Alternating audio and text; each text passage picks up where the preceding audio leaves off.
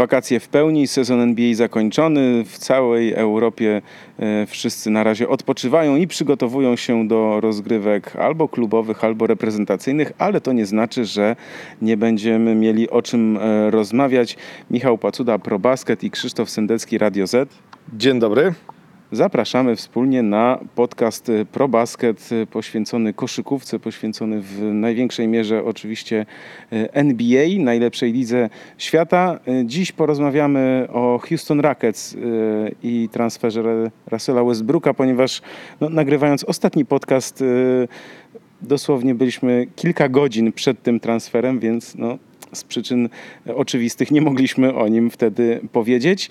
E, chwilę porozmawiamy o, o Kawhi Lenardzie i myślę, że dużo czasu poświęcimy ogólnie NBA jako organizacji, ponieważ e, tam dużo się dzieje, jeśli chodzi o takie kwestie, nazwijmy to organizacyjne, związane z przepisami, związane z tym, że e, NBA wszczęła e, śledztwo w sprawie dogadywania się e, zawodników z klubami przed tym, nazwijmy to, dozwolonym czasem czy terminem, a więc bardzo poważne też mogą być konsekwencje i też zmiany, no ale to już za chwilę zapraszamy na nowy podcast ProBasket.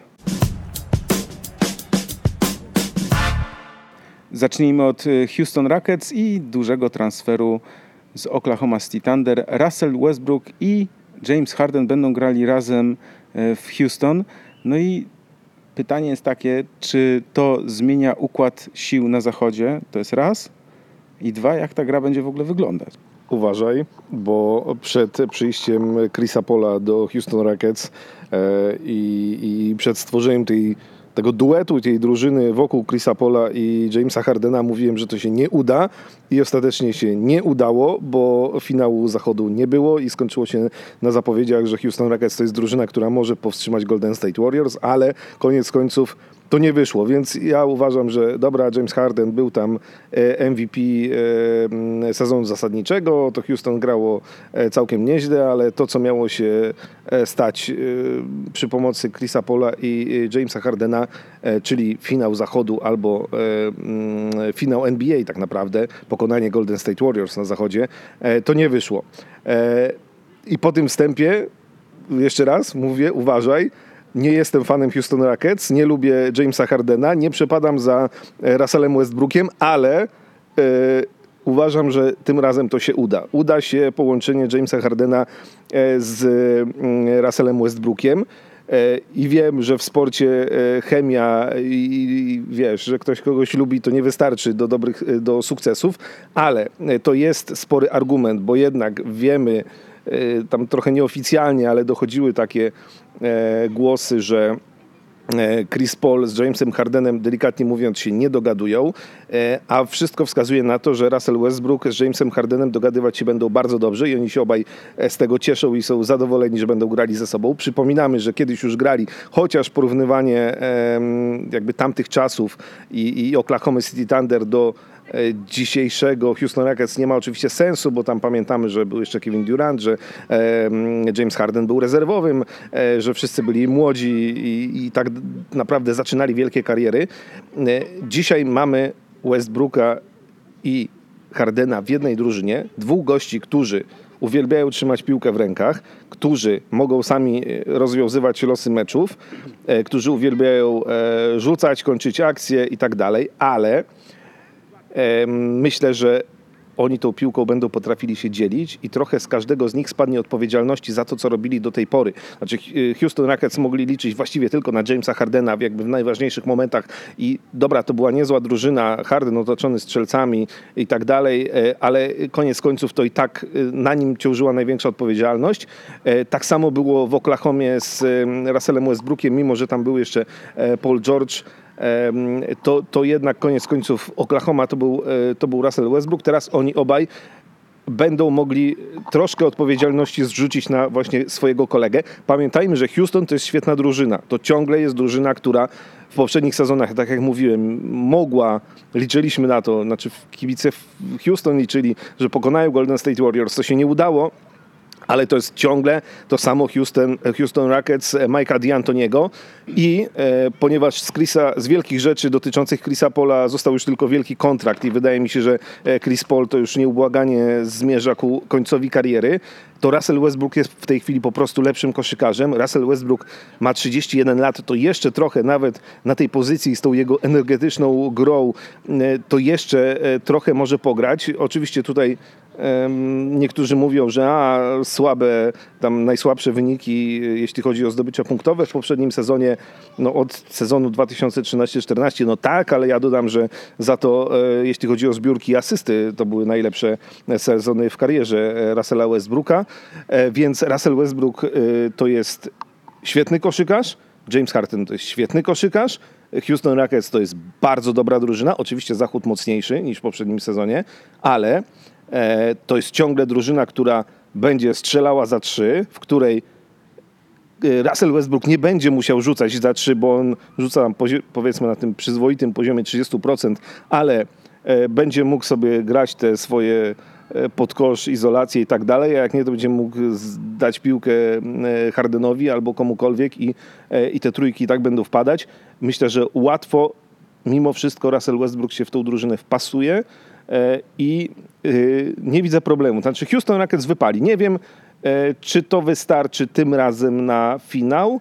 Wydaje mi się, że jak miałbym dzisiaj półfinały konferencji zachodniej typować, a to trudna rzecz, bo jak zaczniemy wymieniać, kto chce grać w playoffach, to zaraz nam się doliczymy do 10 co najmniej albo i więcej, ale Clippers, Lakers, Houston i Denver, to na dzisiaj ja tak widzę pierwszą czwórkę, nie wiem w jakiej kolejności. E, I wydaje mi się, że Houston Rockets to jest projekt naprawdę e, niemalże gotowy. Russell Westbrook to jest wartość dodana, ładnie tak to ujmując, do tej drużyny i jest to dużo e, większe wsparcie niż Chris Paul, który miał problemy z kontuzjami, z formą i generalnie Chris Paul, nie, no, no, no to, to, już, to już nie jest Chris Paul z najlepszych lat, więc nie jestem fanem Houston Rockets, ale ja jestem na tak. No to, to moim zdaniem wypali. To jest ciekawe, że mm, wszyscy, to niemal wszyscy, czy dziennikarze, analitycy, też wielu kibiców uważa, że, że to wypali. E, wiele osób typuje, że Houston Rockets będą mieli najlepszy bilans w sezonie zasadniczym, bo oni zawsze grają na maksa. E, James Harden nie odpuszcza. Russell Westbrook też, jeśli nie ma kontuzji, to nie odpuszcza, nie odpoczywa. On twierdzi, że nie chce, nie musi, jest w gazie, chce być po prostu, yy, chce grać, nie potrzebuje odpoczynku, tak? I, i to jest tutaj yy, bardzo możliwe, że Houston Rockets będą mieli najlepszy bilans yy, na zachodzie. To jest kwestia też zaufania, to jest bardzo ciekawe, y, ponieważ i takiego szacunku do E, do, do siebie nawzajem. Z Chrisem Polem, jak James Harden grał, to też wiele osób na to zwraca uwagę, że jak James Harden nie miał piłki w rękach, to ogólnie gdzieś się tam odsuwał na siódmy, ósmy, dziewiąty metr i miał ogólnie gdzieś, tak? Natomiast yy, teraz wydaje się, że będzie to inaczej. Będzie zaangażowany też Harden, czy jak Westbrook będzie miał piłkę, może czasem jakieś ścięcie, sam gdzieś pobiegnie i tak dalej. No ja bym chciał zobaczyć kiedyś, jak James Harden stawia zasłonę Westbrookowi, albo na odwrót. To byłoby naprawdę e, fascynujące i ciekawe doświadczenie. E, nie wiem, czy jest możliwe do zrealizowania, ale może kiedyś. Natomiast yy, no, też słuchałem wywiadu z trenerem Mike'iem D'Antonim. On twierdzi, że że różnica jest taka, że właśnie, że oni się lubią, szanują, że chcą grać razem. I też ważna, ważna rzecz, którą D'Antoni powiedział, że mm, zarówno Harden, jak i Westbrook zrozumieli chyba, bo mają właśnie tam około 30 lat już na karku, więc parę sezonów za sobą w NBA, yy, że obaj zrozumieli, że potrzebują tego, tej drugiej gwiazdy do tego, żeby wygrywać czyli potrzebują się troszkę przesunąć, nazwijmy, troszkę dać przestrzeni temu koledze, nazwijmy to, partnerowi, który też będzie miał wpływ na, na zwycięstwa, że to nie może być drużyna taka, dobra, ja jestem najlepszy i wy teraz wszyscy mi pomagajcie, tylko też oni widzą, że te super, no, z tych super teamów, o których mówiliśmy, czyli trzech, trzech gwiazd już nie ma, tak? Teraz zrobiły się duety, że dwie gwiazdy chcą stworzyć właśnie taki, no nazwijmy to super duet, tak?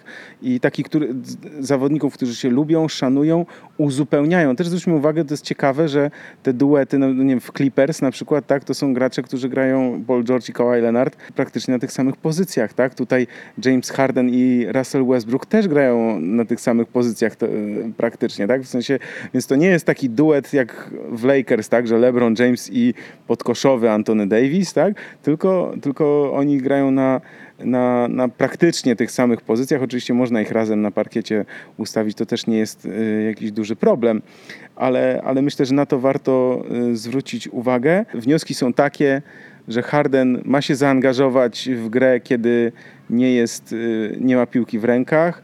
Y, Obaj zawodnicy podobno zrozumieli, że, że potrzebują siebie nawzajem do osiągnięcia y, sukcesu. No i teraz jest najważniejsza rola trenera Mike'a D'Antoniego, dlatego że no Mike D'Antoni musi też dostosować taktykę do możliwości, do potencjału swoich graczy. A jeśli on na tak na pierwsze pytanie mówi, że no nie, no nie będziemy nic zmieniać, tutaj gramy swoje i tak dalej, to myślę, że to jednak no wyjdzie samo w praniu, to znaczy, że oni troszkę jednak będą, to zresztą sami zawodnicy będą trochę zmieniać, tak? W sensie, e, no wiemy, że Russell Westbrook nie jest zawodnikiem, który e, rzuca skutecznie z dystansu, więc on musi być troszkę zaangażowany też w inne role e, na parkiecie. Więc zobaczymy, jak to, jak to wszystko wyjdzie. Ja jestem bardzo ciekaw. Myślę, że będzie, jak to mawiają Amerykanie, fun to watch, taka drużyna Houston Rockets, bo rzeczywiście oni mają dobry skład. Mi to pra- co prawda się trochę nie podobało w zeszłym sezonie, jak, jak to bazowało tylko na, przepraszam, waleniu z dystansu, tak? bo jest takie powiedzenie w koszykówce, że za 3 z 9 metra to każdy głupi może rzucić. Yy, I drugie, że wyjść i kosę sprzedać to też każdy głupi może, więc jakby to, to rzucanie z dystansu i ta skuteczność pod tytułem tam, nie wiem, 10 na 30 w meczu, czy 12 na 40, tak, to się ciężko ogląda, bo, bo oczywiście, że nagle wpadają trzy trójki z rzędu i się robi remis, pamiętamy takie mecze z, z Golden State Warriors, ale, ale jednak to się, to się troszkę trudniej ogląda i ja mam nadzieję, że że Houston Rockets będą no, grali trochę inaczej i nie tylko bazowali na tym, na tym rzucie z dystansu. Myślę, że tak. Oczywiście pozostaje pytanie, a co z obroną? E, Ale, bo to jak mamy Jamesa Hardena i Russella Westbrooka w jednej drużynie, to musimy o tym powiedzieć. E, I trenera Mike'a D'Antoniego, ale wiemy, że jakby obrona to nie jest rzecz, którą mm, ten akurat szkoleniowiec by się za bardzo e, przejmował, więc rzeczywiście zgadzam się, może być wesoło.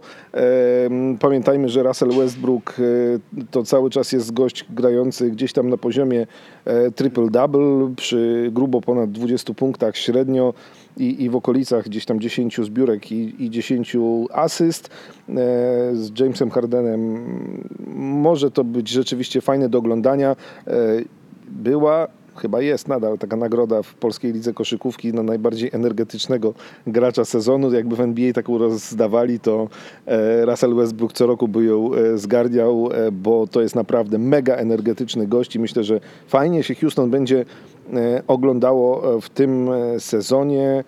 E, I no i tak, ja się cieszę. I dodajmy, że Russell Westbrook ma jeszcze cztery sezony swojego kontraktu, ogromnego. E, 170 milionów tam ostatni sezon to jest opcja gracza. E, Chris Paul, który poszedł do Oklahomy, ma też ogromny kontrakt, taki sam, chociaż jeszcze tylko trzy sezony, znaczy tylko, a w jego przypadku to e, aż trzy sezony e, zostały do końca tego kontraktu. E, I tak sobie mówimy o tym, że Houston pięknie wspaniale, a ja się zastanawiam, co z tą Oklahomą, bo e, Oklahoma City Thunder uzbierała, uważaj, bo zapisałem sobie 15 pików w drafcie. Ma 15 wyborów w drafcie od roku 20 do 26, e, więc jakby już wiadomo, że nie będą przebudowywać drużynę, ale wydaje mi się, że dopiero właśnie od następnego sezonu. Znaczy pojawiały się pogłoski, że oni będą chcieli Chrisa Pola gdzieś wymienić. Wydaje mi się, że Oklahoma e, z Chrisem Polem, nie wiem, z Danilo Galinarim, z paroma młodymi graczami do ogrania w tym sezonie e, będzie sobie grała na zachodzie i ta przebudowa jeszcze w tym sezonie się nie zacznie, no chyba, że ktoś rzeczywiście trafi się jakaś wymiana za Chrisa Pola, ale to tak jak mówiliśmy wcześniej z Russellem Ostbrookiem, ten kontrakt jest ciężki do wymienienia e, Chrisa Pola. Słuchaj, Chrisa Pola na razie nikt nie chce i bardzo trudne jest to, czy ktoś będzie chciał. Tak? Znaczy, to jest gigantyczny kontrakt zawodnika, który ma, ma już swoje lata i który ma też, y, no już nie jest, nie jest tym graczem, którego, którego znamy z przeszłości i też ma problemy z kontuzjami, więc ja myślę, że jak tylko nadarzy się okazja, to sam Presti no, z pocałowaniem ręki po prostu jeszcze, do, jeszcze sam dorzuci parę tych pików w drafcie, żeby tylko się Chrisa Pola pozbyć. Niestety, przykro mi, ale tak, tak wydaje się, że jest. Z tymi wyborami w drafcie to jest taki problem, mówisz 15, tak? Tylko od kogo? Od yy, Clippers, od Rackets, no będą niestety wysoko w najbliższych latach. Oczywiście, że no może to się skończyć tak jak e, e, Boston Celtics mieli to szczęście, kiedy wymieniali tam, pamiętasz, Kevina Garneta, e, Paula Pierce'a do Brooklyn Nets, bo miał, miała tam być wielka paczka. Tak, ale jednak to są wszystko wybory w pierwszej rundzie. Te 15 to są pierwsze rundy, 20-26, więc mogą to być niższe numery, ale jednak dające jakąś tam nadzieję na wybranie dobrych koszykarzy. Znaczy, jeśli się nie jest Michaelem Jordanem, który w drafcie zazwyczaj wybiera fatalnie, no to w Oklahomie myślę, że Presti tam paru graczy może w najbliższych latach dobrych znaleźć do budowy tej drużyny. Powiedzmy sobie szczerze, jak się prześledzi drafty z ostatnich nawet, nie wiem, 10 lat, tak? To znaczy wystarczy spojrzeć na, na ilu zawodników nawet z pierwszej dziesiątki przepadło, tak? Nie zrobiło żadnych karier. Natomiast ilu zawodników też się znalazło jednak z tymi numerami dalszymi, y, też jest ciężko, bo też te rozmowy, o których te, te, ten temat, o który, który poruszyłeś, był też e, jakby uwzględniany przez e, e, analityków ESPN i owszem, nie wiem, Kyle Kuzma, Draymond Green to są tacy zawodnicy, których oczywiście, nie wiem, no Nikola Jokic, tak? Ale jedna rzecz, którą sam Presti powinien w takim razie zrobić, to znaczy położyć bardzo duży nacisk na scouting. Pozdrawiamy Rafała Jucia. Jeśli jeszcze sam Presti do niego nie dzwonił, to może powinien. E, troszkę mówię to pół żartem, pół serio, ale rzeczywiście jeśli, e, bo to nie są wybory w pierwszej dziesiątce, tak? Można e, znaleźć na pewno dobrych zawodników. Kawhi Leonard też nie był w pierwszej dziesiątce, także mm, Janis też nie był w pierwszej dziesiątce, wiemy, więc jakby można znaleźć dobrych zawodników na przyszłość, e, którzy rzeczywiście będą, okażą się bardzo dobrymi e, graczami, ale to trzeba mieć no, research bardzo, bardzo, bardzo, bardzo dokładny. E, kilka osób, które pracuje nad tym przez cały rok. Ja wiem, że w każdym klubie są, są takie działy, w sensie ten scouting i, i, i są i, i funkcjonują, ale jakby to powiedzieć, no położyłbym na to, na jego miejscu bardzo duży nacisk właśnie, żeby jak, mieć jak największą szansę na to, żeby wybrać kogoś dobrego, dlatego, że to mogą być po prostu wybory pod tytułem 20 któryś numer i, i, i to w ten sposób może wyglądać. Natomiast Oklahoma City Thunder, no nie, znaczy no muszą się skupić na tym. To będzie dół, w sensie myślę, że tam walka z, z Phoenix Suns o, o miano tej latarni tam takiej na zachodzie. Na, na, na zachodzie tam słońce będzie zachodzić. Czerwona latarnia w Oklahomie. Nie, no ja wiesz, też nie mam wątpliwości, że na, na tym bardzo mocnym w tym sezonie zachodzie Oklahoma o playoffy to nie powalczy. Ehm, ale myślę, że no tak, znaczy Chris Paul jest na ten moment niewymienialny, więc e, może być z tym e, problem. E, I jeszcze jedno dodajmy do tego wszystkiego. Russell Westbrook odszedł z Oklahomy, zmienił klub jakby po raz pierwszy w karierze. Znaczy kolejny zawodnik, który nie spędzi całej kariery e, w jednym klubie. Coraz rzadsze są takie przypadki zawodników, którzy wiążą się z jednym zespołem. Pamiętamy, że on przychodził wybrany jeszcze przez Seattle Supersonics, ale bodajże tam kilka dni po drafcie już mieliśmy decyzję, że mm, od nowego sezonu to będzie Oklahoma City Thunder i grał od początku Russell Westbrook e, w Oklahomie. Najwie- Tak, bo jeszcze, e, to tylko chciałem przypomnieć, Kevin Durant zaliczył jeden sezon w Seattle Supersonics. Tak jest. E, Russell Westbrook w Oklahomie, ten największy sukces finał roku 2012 z Jamesem Hardenem jako rezerwowym, z Kevinem Durantem. No a później to już różnie bywało, teraz zupełnie nowa przyszłość e, w Houston Rockets i zobaczymy, zobaczymy. E, Zachód jest mega, ten sezon będzie mega i dobrze, że nie ma tych y, drużyn takich jak Golden State Warriors składających się z trzech lub więcej gwiazd. W Golden State Warriors mieliśmy pięciu All-Starów w poprzednim sezonie.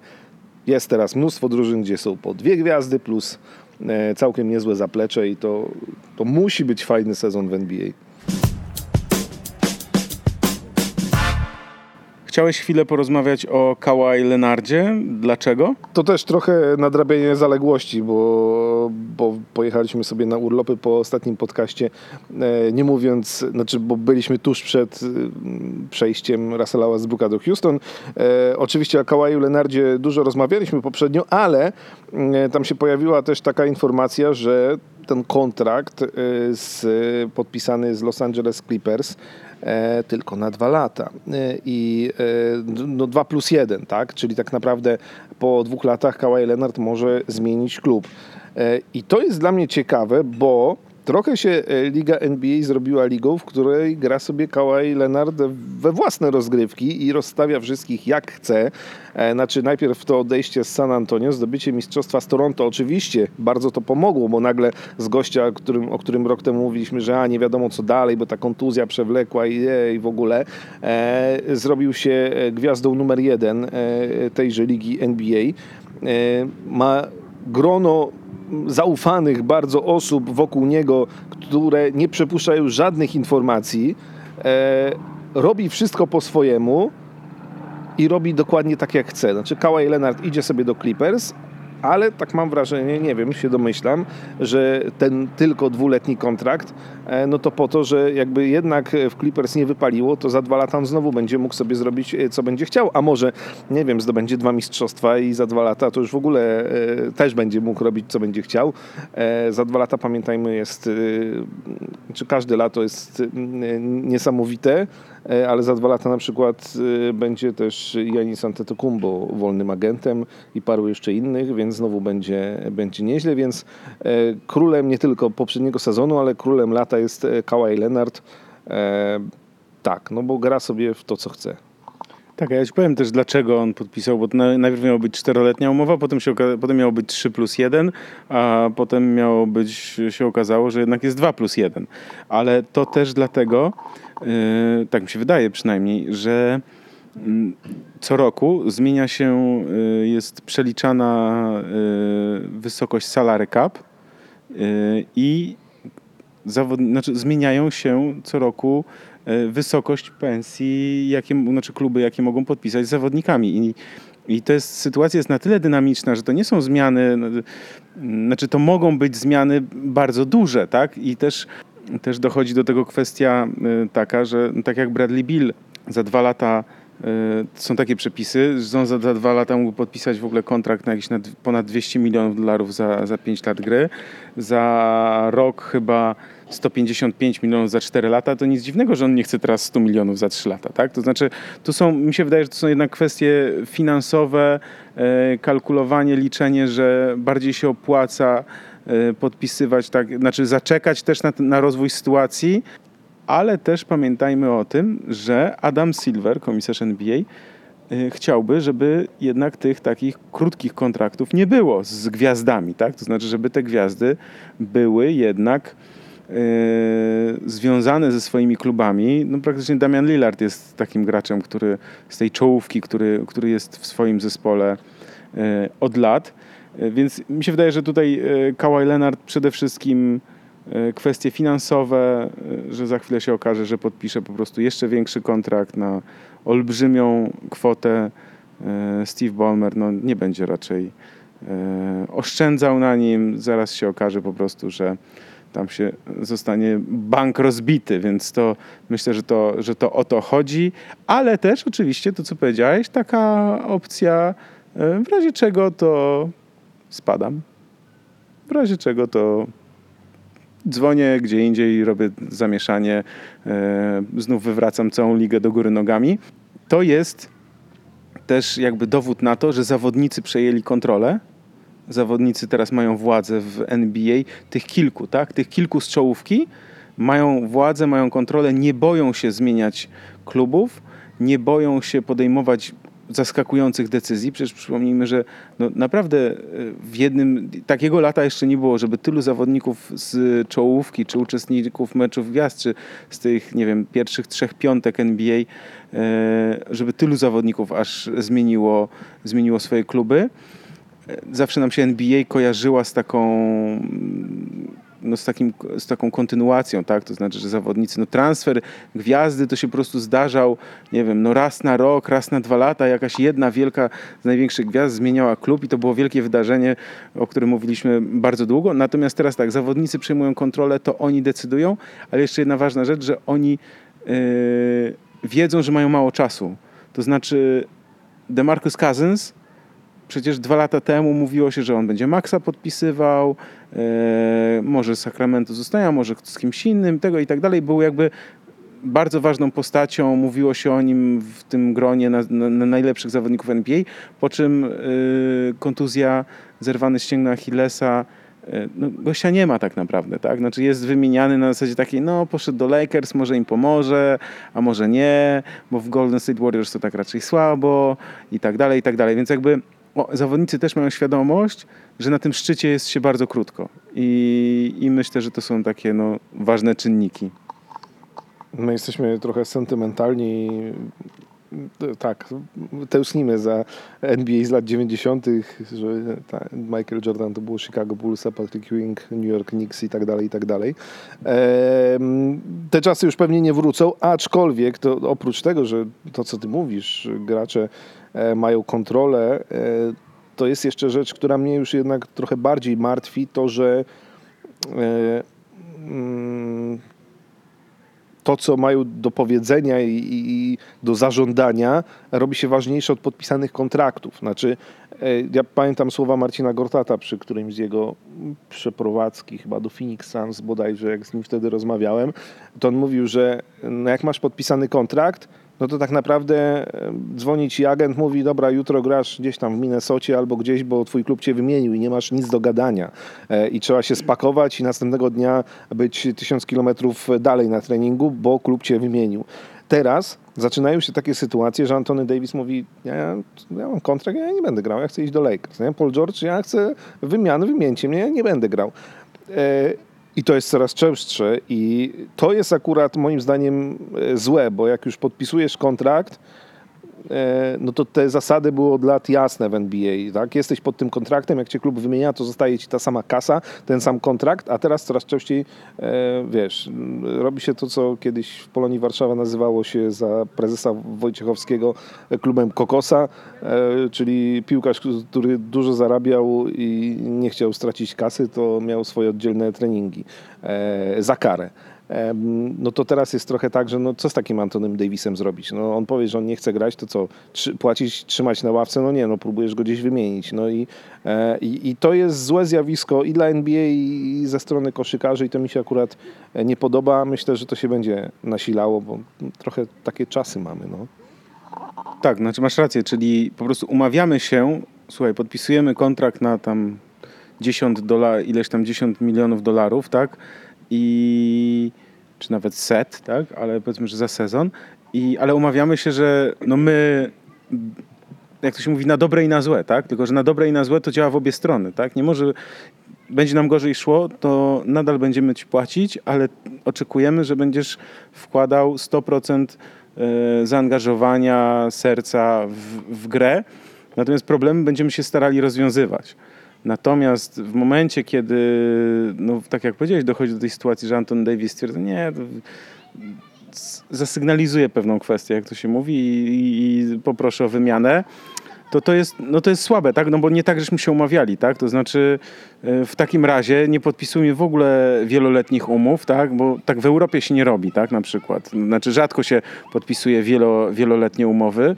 No podpi podpisujmy tak jak po prostu w większości klubów w Europie na, na rok, tak? Tylko, że tylko, że wtedy znaczy to jest na niekorzyść zawodników tak naprawdę, no bo nie ma gwarancji, nie ma ubezpieczenia, takiego zabezpieczenia na wypadek kontuzji na przykład, tak?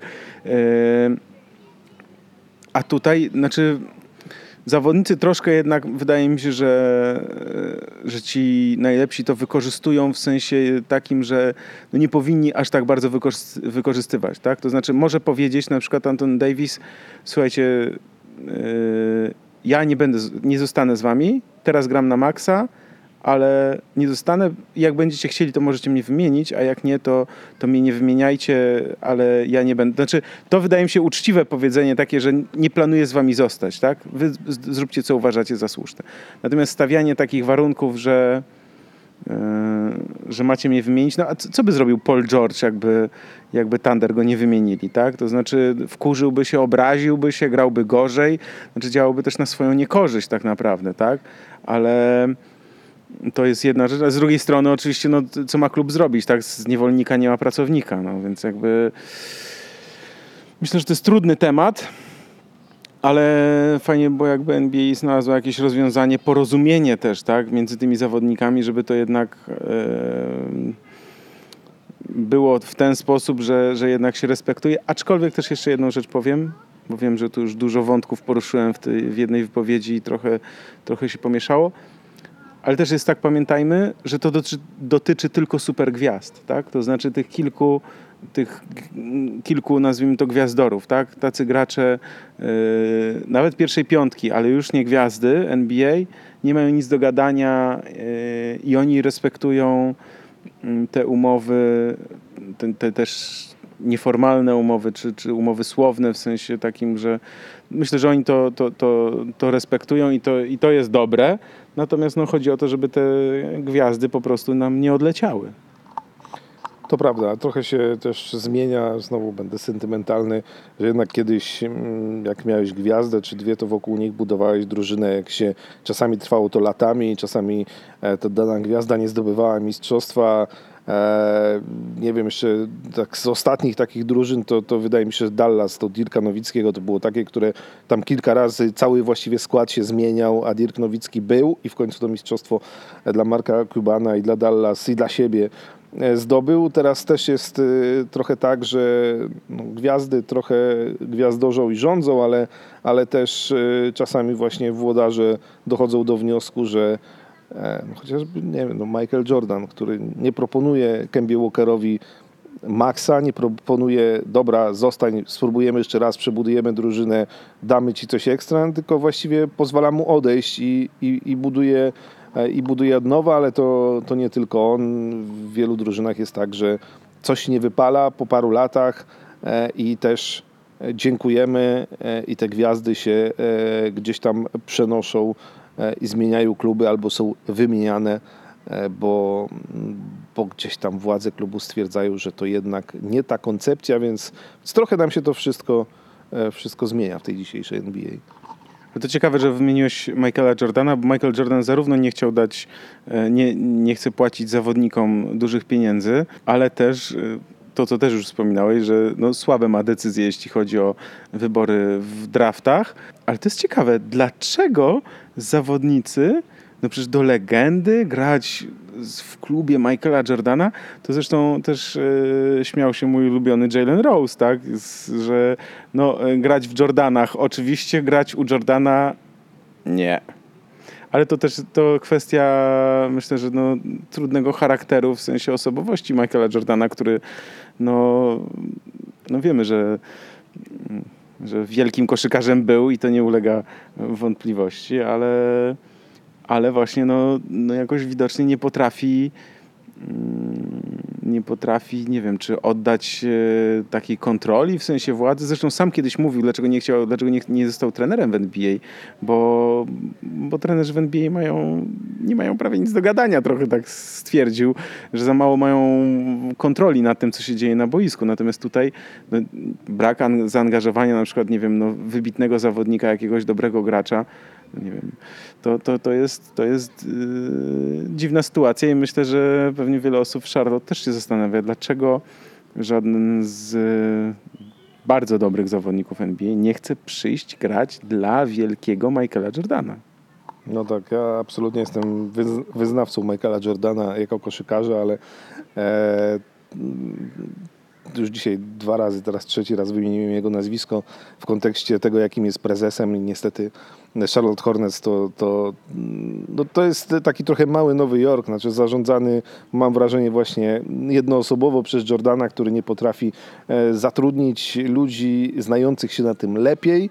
No, Wiesz, jak wybierasz w drafcie raz źle, e, albo dwa razy na pięć lat, no to się każdemu zdarza. Jak wybierasz źle w drafcie co roku, no to znaczy, że to już nie jest przypadek. No, jak podpisujesz kontrakty, e, wiesz, przepłacasz jakichś ludzi, którzy totalnie się nie sprawdzają, no to, to i robisz to co roku, no to, to wiesz, to Kemba Walker tak naprawdę jest wypadkiem przy, przy, wypadkiem przy pracy w tej sytuacji. Coś wyszło przy, gdzieś tam, nie? A tak naprawdę wszystko inne nie wychodzi, więc jakby, dobra, o Jordanie może jeszcze kiedyś pogadamy i tym, że jak, jak źle zarządza Charlotte Hornets, niestety, ale poczekaj, bo jeszcze o czymś jednym chciałem porozmawiać przy okazji tych kontraktów wracając, bo mamy śledztwo e, oficjalne w NBA. E, jakby punktem wyjścia jest, są rozmowy Kawaja Leonarda, czy jego ludzi e, z Los Angeles Clippers. Wujek Denis, czyli Denis Robertson, w, zwany wujkiem Denisem, wujek Kawaja Leonarda. E, To jest człowiek, tam wszystko zostaje w rodzinie, człowiek, który tam e, miał podobno em, prosić o różne rzeczy niekoniecznie zapisane w kontrakcie. Znaczy tam, nie wiem, jest mowa w amerykańskich mediach o samolotach, e, jakichś domach, samochodach, e, pieniądzach e, z umów sponsorskich, które Clippers miałoby zagwarantować Kawajowi Leonardowi jakby obok kontraktu, który się normalnie mieści w salary cap. Jest śledztwo, czyli sprawa jest poważna. Moim zdaniem nie chodzi tu już, już nieważne, czy, czy, czy rzeczywiście wujek Denis e, gdzieś tam namawiał albo, albo sygnalizował jakieś takie rzeczy, czy nie, e, bo to trzeba oczywiście rozstrzygnąć, ale generalnie e, sprawa jest poważna. Znaczy NBA musi to szybko uciąć, bo ja nie chciałbym, żebyśmy doszli do tego, co mamy na przykład w piłce nożnej w Europie, że jakich przepisów UEFA by nie wprowadziła jakiegoś tam finansowego fair play, to i tak na każdy przepis znajdzie się mnóstwo sposobów, jak te przepisy obejść. I wiemy doskonale, że w europejskim futbolu to jest tak, że pieniądze, e, właściwie te największe kluby, to, to jest niekontrolowalne, niejawne. e, I, e, I to jest bez sensu. Znaczy, można wydać pieniądze, jak ktoś ma 100 milionów, to wyda 100, jak ktoś ma miliard, to wyda miliard. e, I nikt się nie pyta, skąd są te pieniądze i mm, jak wyglądają te kontrakty. Można zrobić właściwie wszystko.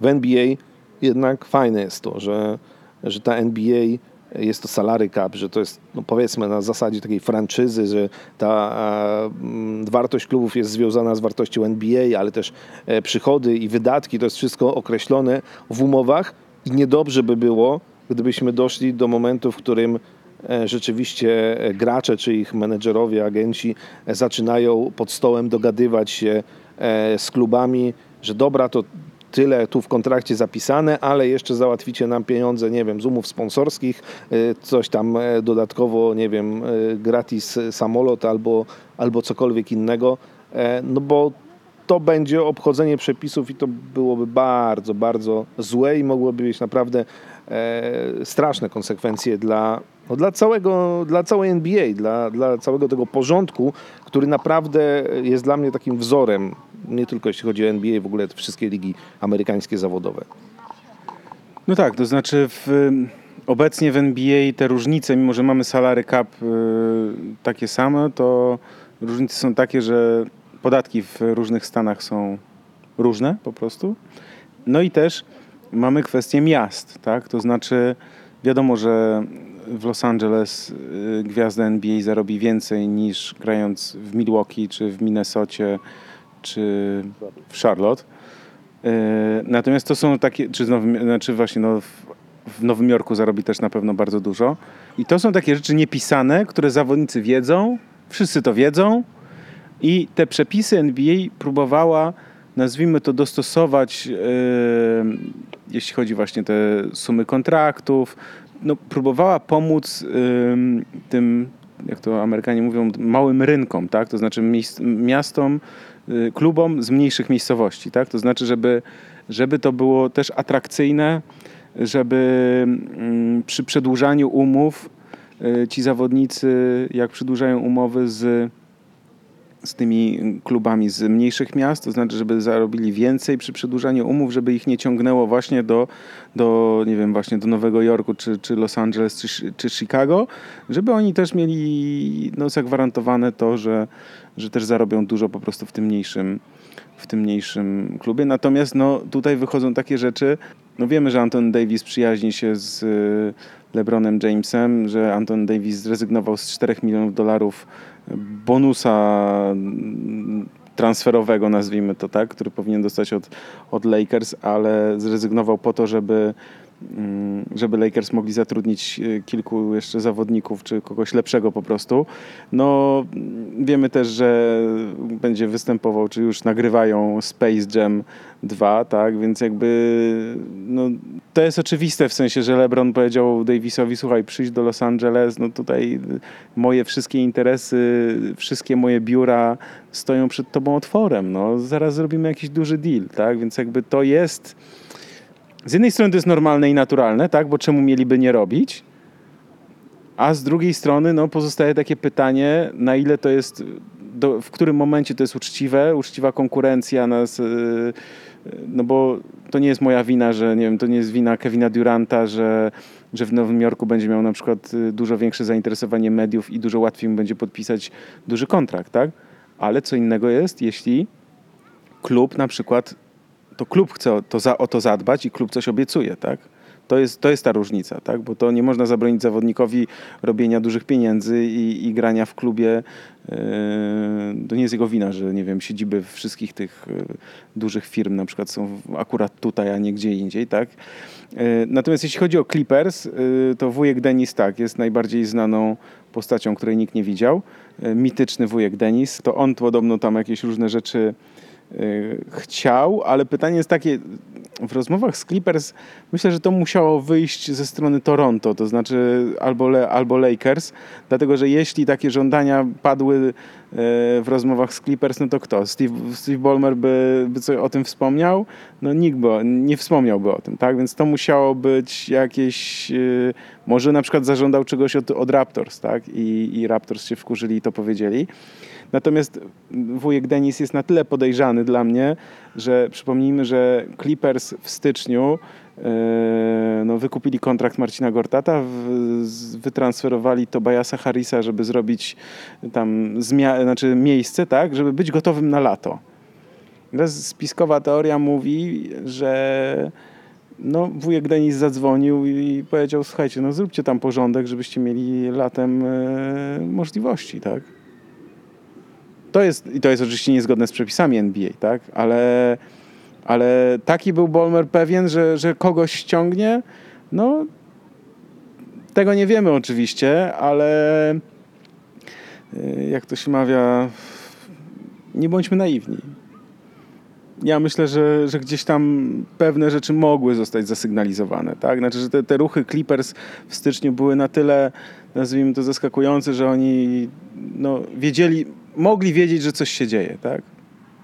Znaczy ten temat y, rozmów przed otwarciem okna transferowego, e, no to wraca właściwie co roku, tak, że zawsze się tam pojawiają oskarżenia, że jakiś koszykarz z jakimś klubem rozmawiał, kiedy to jeszcze było nielegalne, czy agenci, czy menedżerowie i tak dalej. I to tak naprawdę ciężkie do udowodnienia, e, ciężkie do sprawdzenia i, i ten temat wraca co roku. Myślę, że jednak mimo wszystko dla NBA łatwiejsze do załatwienia są sprawy właśnie zapisów w kontrakcie i, innych zapisów jakby dotyczących pieniędzy dla danego koszykarza, który gdzieś tam przychodzi. No i wiemy, że to tak naprawdę też ewoluuje, tak, bo mieliśmy, wiesz, cały czas wraca temat e, chociażby draftu, tak, teraz jest tam, czy, czy, czy trzeba iść do NCAA, czy e, znowu wrócić do tego, że można po szkole średniej przychodzić. Mieliśmy czasy, kiedy e, ci nowi przychodzili po drafcie, chcieli kosmicznych pieniędzy,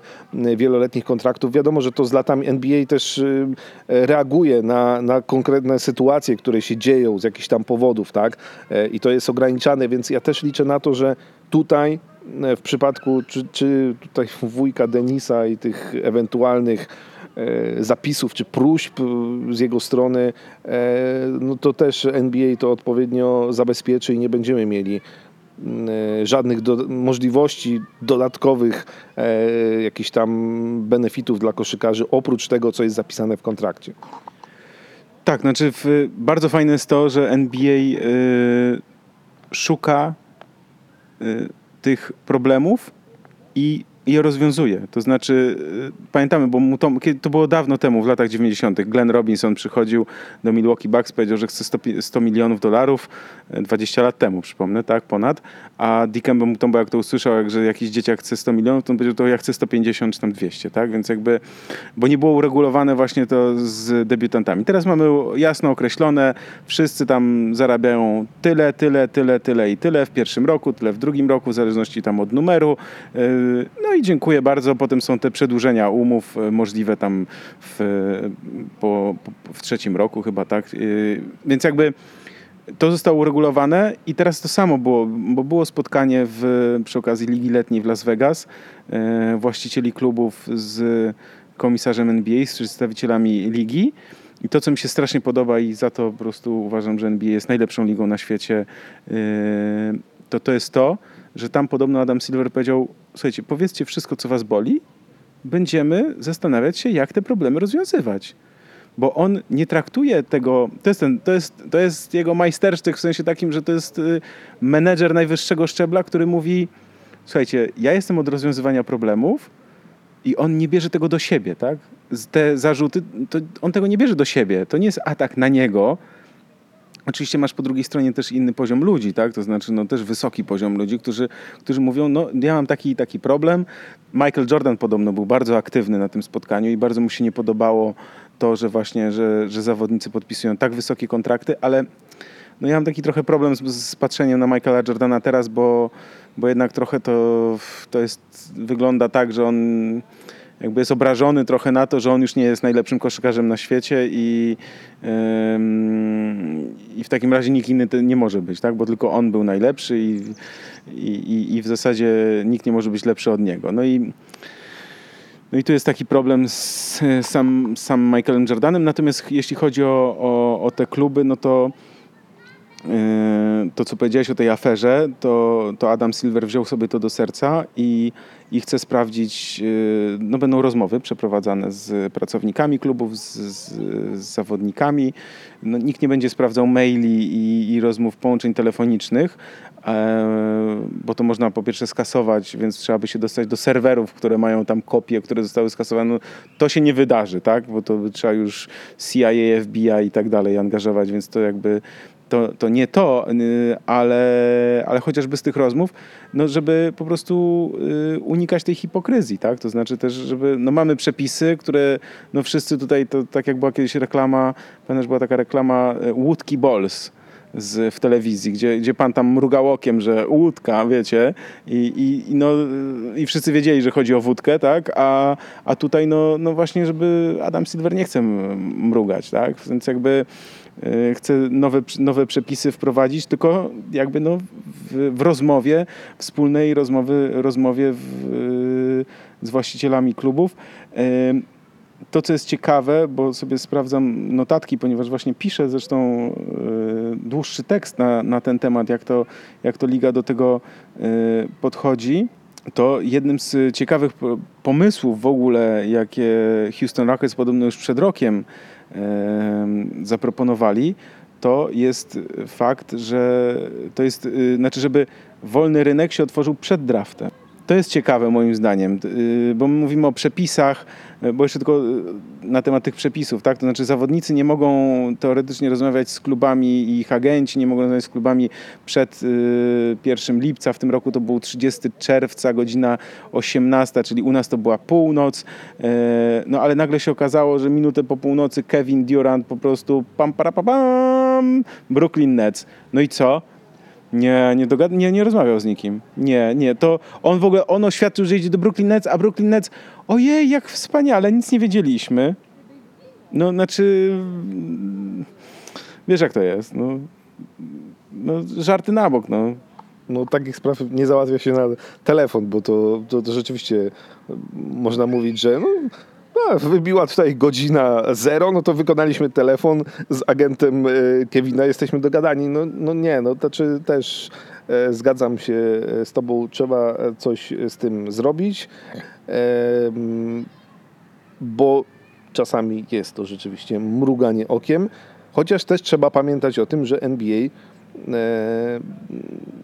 jakieś takie bardzo, że tak powiem, wyraźne łamanie przepisów czy próby obejścia, e, to w przeszłości były już sytuacje, że, e, że po prostu sankcjonowała to, no bo mm, pewnie najsłynniejsza historia dotyczy Joe Smitha, który w, pod koniec lat w 99 roku podpisał umowę z Minnesotą. Mógł wtedy dostać wielki kontrakt przedłużenia od Golden State Warriors za 80 milionów, a podpisał z Minnesotą e, na niespełna 2 miliony dolarów, żeby obejść salary cap, żeby e, później oczywiście to też jemu się to miało w przy, przyszłości opłacić. E, NBA ten kontrakt anulowało, Minnesota dostała kary i w ogóle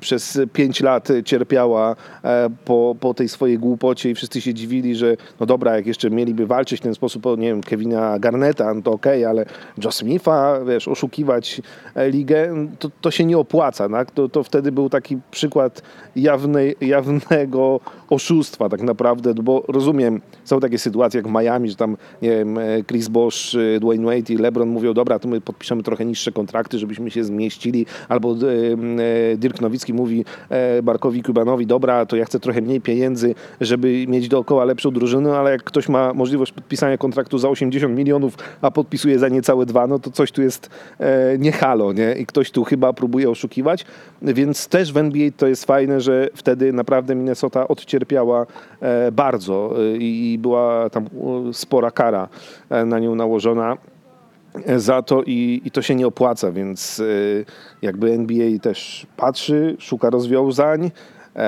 zmienia przepisy, dostosowuje e, jakby do sytuacji, e, no ale też potrafi ukarać. I, i, i to ciągle jest e, fajne e, i to ciągle jest coś, o czym ja mówię, wow, jakby to w Europie działało, no ale wiemy, że nie zadziała, bo zupełnie inne myślenie, inna mentalność to też lata jakby tradycji i budowania zupełnie inaczej tego całego biznesu, więc e, więc nie, no ale pod tym względem to NBA, NBA jest fajna, tak? I, i, I też jesteśmy fanami tego, że tam panuje porządek w papierach e, jednak mimo wszystko. Tak, a co byś powiedział właśnie o tym, co wspomniałem, żeby rynek wolnych agentów, y, bo to są różne pomysły, tak? To znaczy, wiadomo, że zawodnicy ze sobą rozmawiają, ale żeby kluby na przykład, nie wiem, mogły rozmawiać po ostatnim meczu finałów już z zawodnikami nieoficjalnie, na przykład, żeby mogły rozmawiać, albo żeby, nie wiem, takie rozmowy były zgłaszane na przykład ym, oficjalnie gdzieś, w sensie czy do ligi, czy w ogóle mediom oficjalnie takie pomysły, a może jak klub kończy sezon, czyli jak na przykład ktoś kończy, nie wchodzi do playoffów, to już można by rozmawiać z tym zawodnikiem, ale z drugiej strony wtedy nie można by rozmawiać z tymi, co grają w playoffach, więc może nie do końca to jest dobry pomysł. Tutaj ja nie mam dobrego rozwiązania, natomiast pomysł, y, żeby rynek free agents był otwierany przed draftem, uważam za bardzo dobry i znaczy to by ułatwiło wszystkim, przepraszam bardzo, budowy drużyn, tak? No, klubom, y, czy wymiany mówimy, w sensie można wymieniać, czy- znaczy można transferów dokonać. Podpisaliśmy tego i tego, udało się podpisać tego i tego, dobra, to, to weźmy sobie teraz, nie wiem, w drafcie, znaczy innego zawodnika bierzemy w drafcie na przykład, tak? Mam wysoki numer i, i nie wiem, możemy brać, nie wiem, dobrego rozgrywającego albo skrzydłowego i tak dalej. Możemy też handlować tym numerem, bo udało nam się z rynku ściągnąć tam, nie wiem, jakąś, jednak, jednak się udało super gwiazdę tam ściągnąć, dobra, to mamy tam jakiś numer, to, to, to oddajmy tam komuś innemu. Czy, no, czy wydaje mi się, że, że to byłoby lepsze rozwiązanie po prostu dla funkcjonowania drużyn, dla funkcjonowania całej ligi. Tak, to jest bardzo dobry pomysł. No, czy przed otwarcie e, możliwości rozmów e, przed draftem to, to jest oczywiście na tak. Zobaczymy, jak liga do tego podejście, podejdzie, bo rzeczywiście jest tam sporo jednak hipokryzji w tym wszystkim wie- w tej chwili, w taki sposób, jak to obowiązuje, więc, więc jak najbardziej tak. E, No i druga rzecz, jakby też a propos draftu, to jednak trzeba coś zrobić z tą NCAA, bo też w tej chwili te przepisy, że musisz spędzić jeden rok, który tak naprawdę jest od jesieni do wiosny, skraca się do czterech miesięcy gry na uniwersytecie, bo inaczej nie możesz przejść do NBA. W drafcie to też jest, e, te przepisy są po prostu głupie i ani NCAA na tym nie zyskuje, ani e, NBA, nie wiem, jakby też rzecz do zastanowienia się dla władz ligi. Myślę, że, ale to tam też myślę, że to, to też temat, który co roku wraca i jest analizowany. E, I, I zobaczymy, może niedługo znowu będziemy mieli przepisy, że jak ktoś chce po high school do draftu się zgłosić, to, to będzie mógł. E, ograniczone to już, mm, jeśli chodzi o pieniądze, nie tak jak w latach 90., więc, e, więc e, no zobaczymy. Znaczy ja wierzę w NBA, bo myślę, że tutaj akurat to o to, że ta liga jest dobrze zarządzana, to jesteśmy spokojni.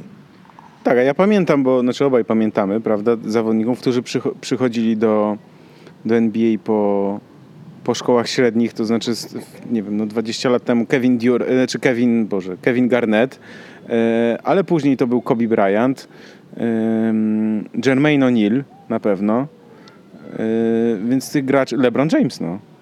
Więc to tych graczy paru było. To jest też pytanie takie, czy ci zawodnicy są gotowi, bo też jest kolejny wątek, ym, który możemy tylko po prostu wspomnieć o tym, ponieważ no, bardzo poważny i bardzo skomplikowany problem współczesnej młodzieży, nazwijmy to, czy młodych zawodników jest taki, że te obciążenia fizyczne i też psychiczne są tak duże, że oni nie dają rady, tak? To znaczy, że przychodzą 18-19-latek, nie wszyscy są Lebronami, bo Lebron się zdarza raz na miliard, a te obciążenia zarówno fizyczne, bo jest coraz więcej kontuzji, jest taki cykl artykułów na ESPN, cykl to znaczy to całe dwa, ale bardzo długie, obszerne, pokazujące jak zawodnicy doznają kontuzji. To jest oczywiście efekt y, rozwoju, nazwijmy to, zawodników, to znaczy, że oni szybciej czas, czasami dojrzewają, e, mają więcej suplementów, które sprawiają, że oni są, nie wiem, wyżsi, silniejsi, teoretycznie lepiej odżywieni, a to dieta też ma znaczenie, ale organizm czasami nie daje rady, tak, nie wytrzymuje tych obciążeń. No i też są bardzo duże obciążenia psychiczne, o których się mówi coraz więcej.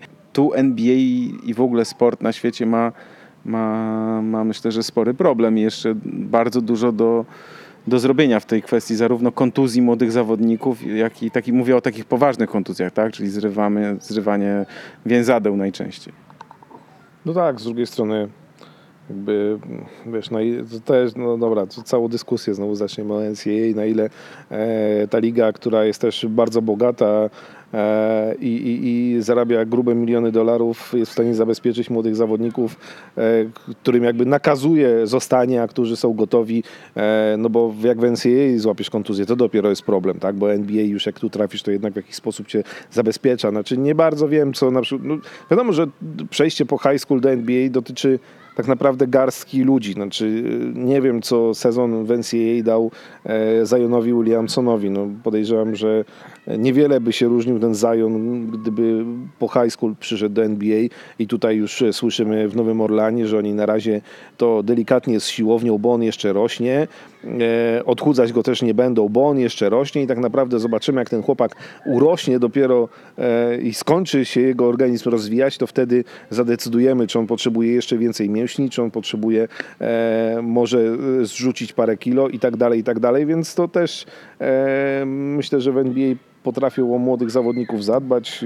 Nie wiem, Kobe Bryant też u Phila Jacksona na początku siedział na ławce rezerwowych raczej niż grał po przyjściu po high school, więc to też nie jest tak, że e, nagle 18-letnie dzieciaki się rzucą na NBA, a NBA z otwartymi ramionami ich przyjmie i, i powie grajcie, bo bo oni też jakby to mówimy o, o, o jakiejś tam garstce ludzi. Dzisiaj NCAA cały czas ma ogromne przychody i ogromne zainteresowanie, mimo że te największe gwiazdy opuszczają ligę po, e, często po pierwszym czy po drugim roku e, i nawet do ostatniego roku studiów nie doczekują, więc e, sprawa do rozwiązania. Może tak, no, oczywiście na dłuższą dyskusję jak zwykle, ale, e, ale dobra, zostawmy to Adamowi Silverowi i mądrzejszym ludziom.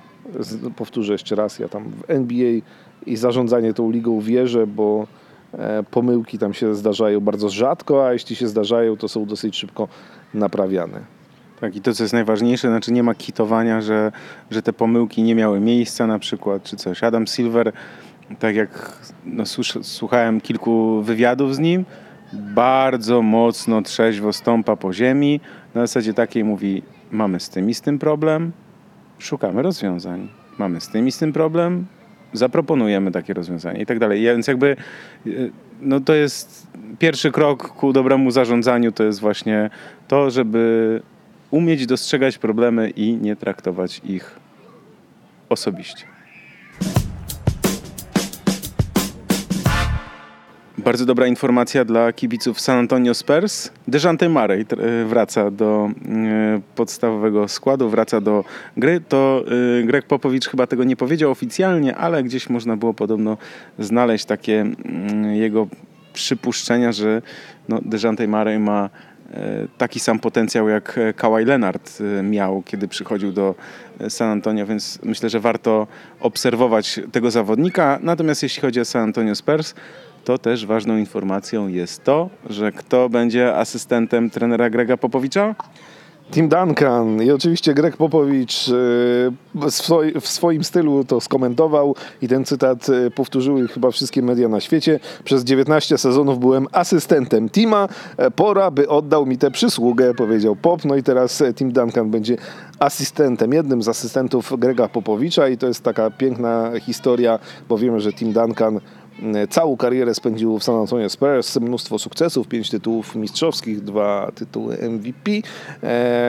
No i po krótkim rozbracie, e, po zakończeniu kariery wraca, zresztą tam cały czas był blisko, ale teraz e, wraca naprawdę blisko na ławkę trenerską i zobaczymy. Ja jestem ciekaw, jak Tim Duncan będzie się spisywał, no bo rozumiem, że e, jak zostajesz asystentem Tim Grega Popowicza, to jest to pierwszy krok do tego, żeby w przyszłości zostać samodzielnie szkoleniowcem szkoleniowcem, e, nie wiem czy San Antonio Spurs, ale jakiejś może innej drużyny. E, no i e, tak, Tim Duncan, bardzo spokojny człowiek. To też ciekawe, że tak naprawdę całą dorosłą karierę spędził u jednego trenera, czyli właśnie u Grega Popowicza, więc myślę, że tu szkoła Popowicza ma się bardzo dobrze i będzie się rozwijać. Dla mnie ciekawe jest to, że no tak jak spojrzymy, gdzieś mamy w pamięci wizerunek Tima Duncana, to jest taki e, człowiek, wybitny zawodnik, który trudno określić, e, jakim jest, e, nazwijmy to, liderem, czy, czy ma charyzmę. Raczej właśnie gdzieś tam pamiętamy go z takich wywiadów, mm, których udzielał raczej cicho, raczej tak bez przekonania, no tak po prostu coś mówił, bo tam dziennikarze pytają i, i, i nie było w nim tej, tej charyzmy, tej, tej roli lidera. Trudno było ją, trudno było znaleźć, natomiast y, no ja słyszałem takie opinie, że, że to jest taki wizerunek w mediach, jaki on miał, jaki chciał wokół siebie stworzyć, a tak naprawdę no, jest charyzmatyczny i, i, potrafi krzyknąć i ryknąć, więc y, no, to, jest dla mnie, to jest dla mnie najciekawsze właśnie, czy, czy będzie potrafił, czy będzie chciał właśnie też być w przyszłości pierwszym trenerem w NBA, no bo do tego będzie potrzebował właśnie bycia liderem charyzmatycznym, którego wszyscy słuchają, za którym wszyscy idą trochę jak z tym, że Kawhi Leonard okazało się, że umie się uśmiechać, więc e, myślę, że spokojnie Tim Duncan, e, skoro wybrał taką ścieżkę i skoro e, skoro naprawdę, no to też nie jest tak, że zostajesz asystentem Grega Popowicza za zasługi na parkiecie. Myślę, że tam są podstawy e, do tego, żeby twierdzić, że Tim Duncan będzie niezłym trenerem, czy tak dobrym jak koszykarzem, oby nie był e, tak beznadziejnym, e, czekaj, jak to porównać, żeby do Michaela Jordana nawiązać, e, oby w tej, po karierze zawodniczej nie, był, e, nie było tak słabo jak, e, jak u Jordana, tak? Jordan jest fatalnym prezesem, był świetnym koszykarzem, Tim Duncan był świetnym koszykarzem. Życzymy mu, żeby był równie dobrym trenerem i tak to zostawmy. San Antonio Spurs w tym sezonie ja widzę w playoffach. Na koniec porozmawiajmy o Mistrzostwach Świata koszykarzy, które już za miesiąc odbędą się w Chinach. Y, Wystąpi tam zarówno reprezentacja Polski, jak i reprezentacja Stanów Zjednoczonych. E, I słuchaj, mamy coś, co łączy te dwie drużyny.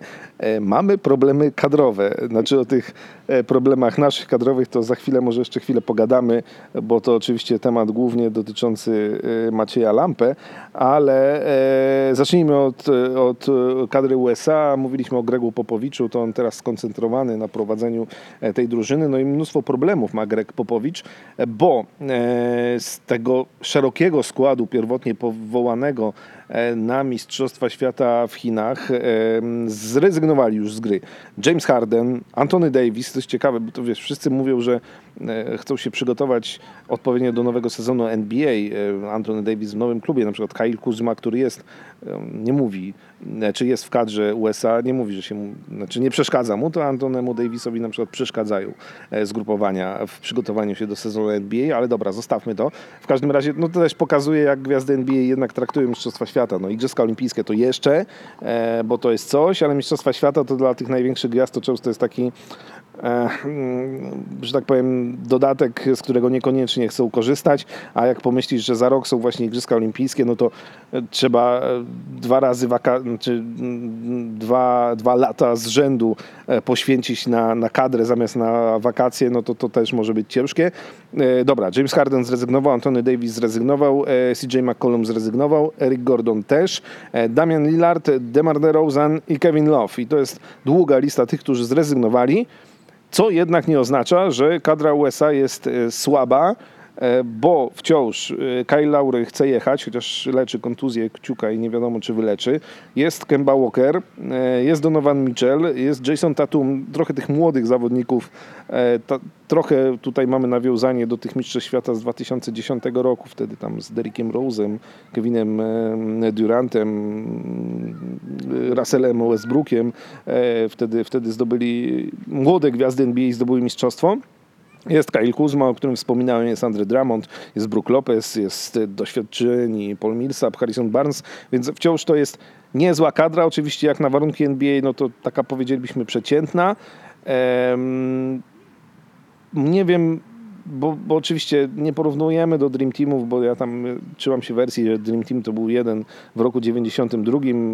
Nie wiem, do, do, do ekipy z 2008 z Pekinu to też nie ma sensu porównywać, bo to była ta, ta, ta, ten Redeem Team, Redeem Team, czyli ta, ta drużyna z Lebronem, z Kobim i tak dalej.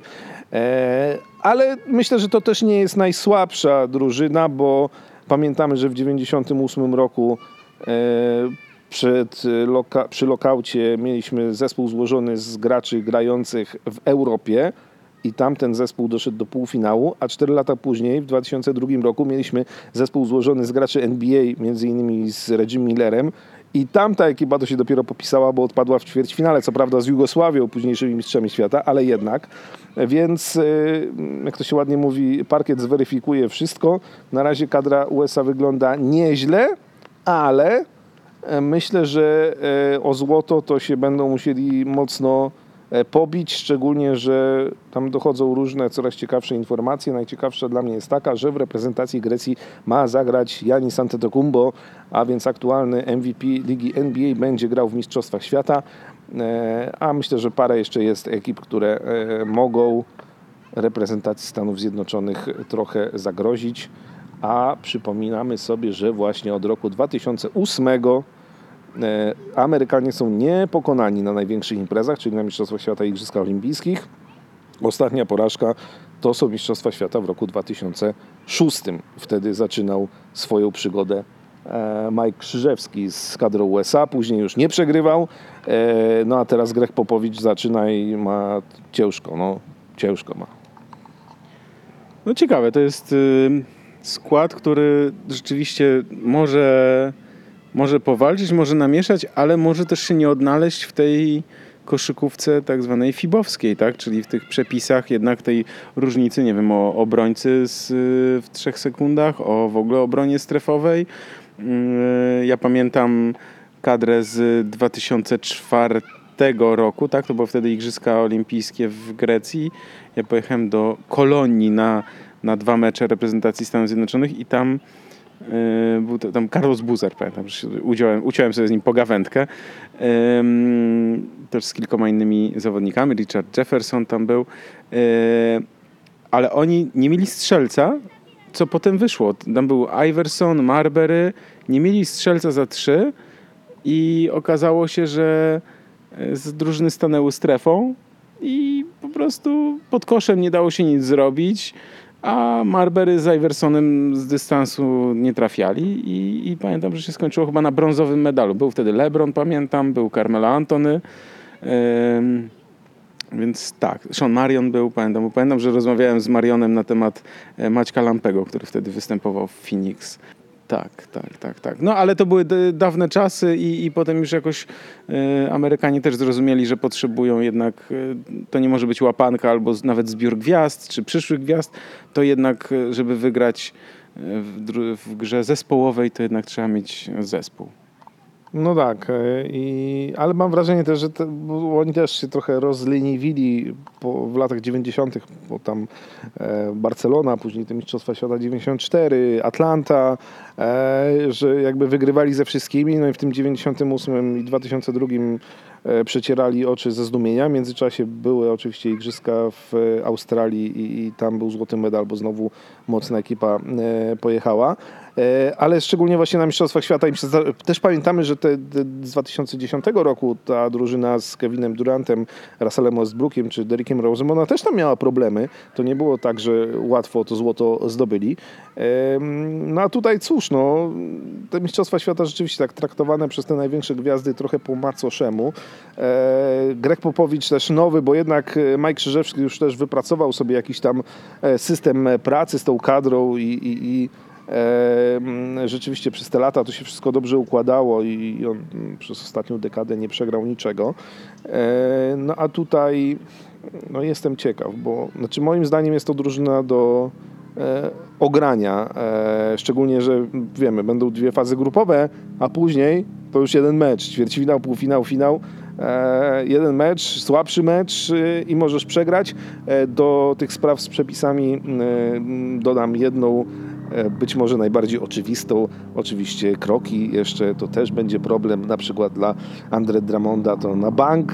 E, trochę tych kroków mu sędziowie będą gwizdali, szczególnie w kontrach, jak dostanie gdzieś tam piłkę i będzie chciał za szybko pofrunąć nad obręczą, to już będzie słyszał gwizdek, że a tam jeszcze to ze dwa kozły powinny być e, pomiędzy tymi kroka, tym dwutaktem wydłużonym, więc, więc to jest ciekawe, mm, e, bo taki skład, który no Greg Popowicz będzie mógł się wykazać jako trener, bo naprawdę to poukładać e, i dobrze zagrać tą drużyną, to też będzie coś.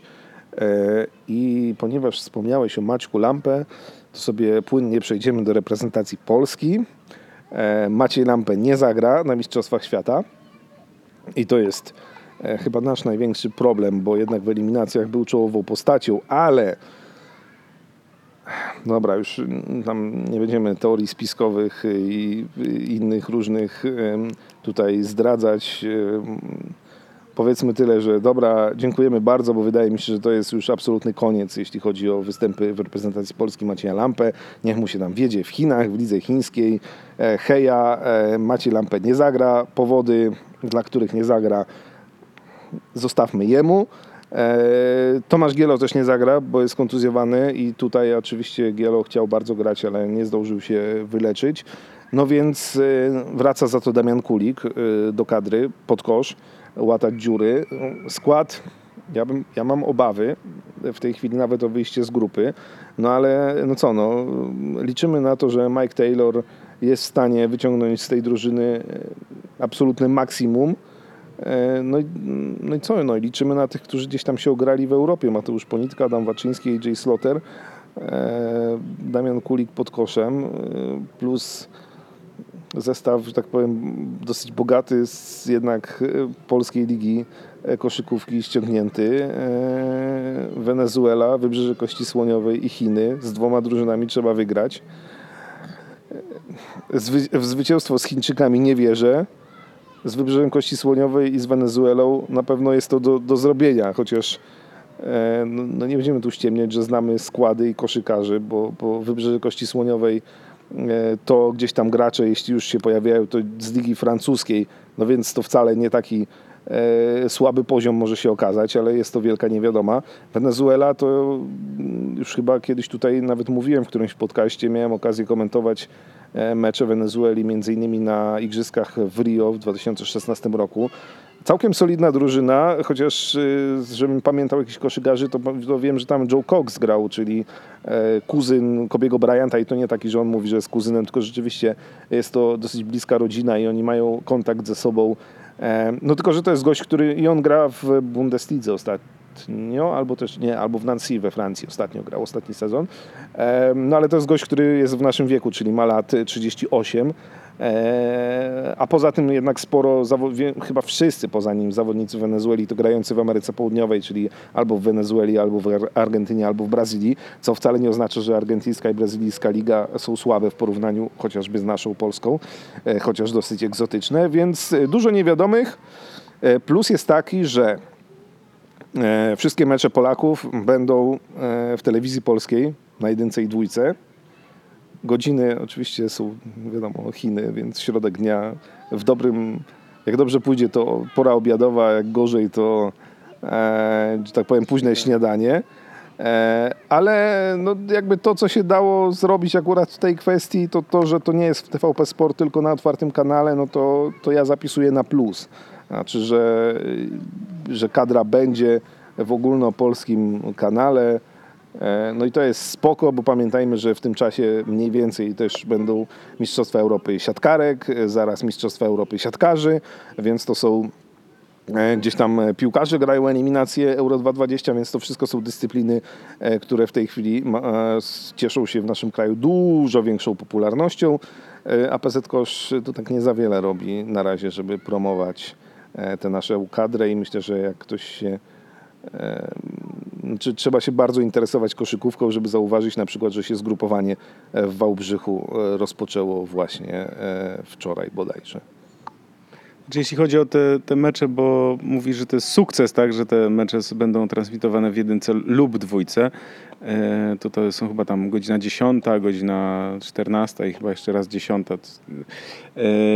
To, oczywiście, że znaczy bardzo dobrze, że tak się dzieje, natomiast no, ja bym tego nie zapisywał na, na, na konto w tabelce e, wielki sukces, dlatego że, wiele, że to byłoby super, jakby te mecze były no, w tak zwanym prime time, tak? Czyli nie wiem, o 18 czy 20, jakbyś wygrał z e, premierą M jak miłość, a nie z powtórką ojca Mateusza, no to, yy, to oczywiście. Natomiast ja dlatego to traktuję jako oczywistość, tak? Znaczy, to jest, że to jest decyzja TVP i wydaje mi się ona naturalna, że skoro mamy mecze e, Mistrzostw Świata, e, czyli ranga oficjalna, no to puśćmy je w otwartym kanale z uwagi na to, że tak naprawdę i tak w tym czasie, no nie wiem, no nie leci nic takiego, co, co, co ma oglądalność kilka milionów i, i po prostu i tracimy reklamodawców przez to, tak? To znaczy, więc jakby mi to się wydaje naturalnym ruchem i, i nie widzę w tym nic zaskakującego i wydaje mi się, że to jest po prostu normalna, naturalna decyzja samej TVP.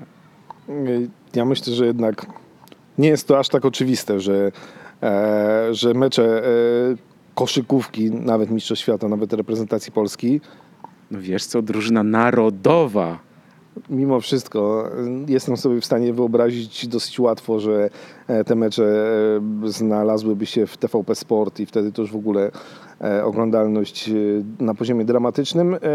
Ja bym powiedział tak, to módlmy się o to, żeby po tych meczach, jak spojrzymy w słupki oglądalności, okazało się, że te mecze reprezentacji Polski miały większą oglądalność niż ta powtórka ojca Mateusza o takiej godzinie, takiego dnia, bo E, bo ja, wiesz co, pamiętam, pamiętam finał, y, przepraszam, mecze Eurobasketu 2009 e, i e, pamiętam, że TVP jak już puściło Polaków w otwartym kanale, to było bardzo niezadowolone z oglądalności e, w porównaniu z tym, co tam było normalnie. Oczywiście wtedy rzeczywiście to była walka w prime time, e, teraz jest trochę łatwiej. Y, Więc y, czy kontrolujmy rzeczy, na które mamy wpływ. No, na godziny meczów w Chinach nie mamy. Oczywiście, gdyby te mecze były o 18 naszego czasu, trudniej by było e, przepchnąć, e, przepraszam za wyrażenie, e, do ramówki TVP1 czy TVP2 mecze koszykówki.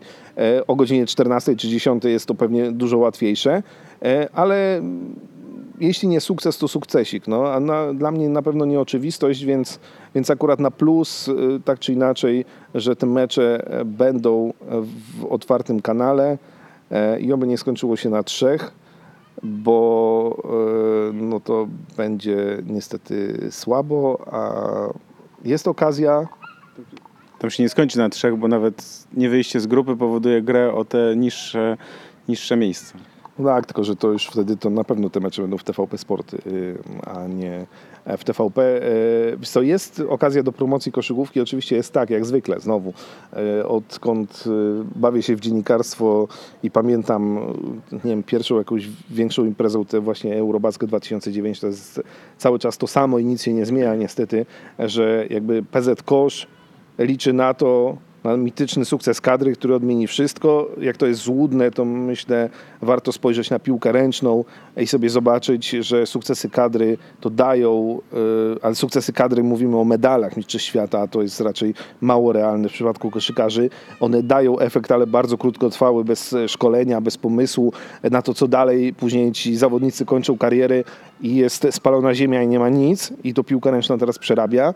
W koszykówce też yy, od lat jest to samo. Sukces kadry, sukces kadry, ale tak naprawdę e, to jest strasznie złudne e, liczenie na sukces kadry.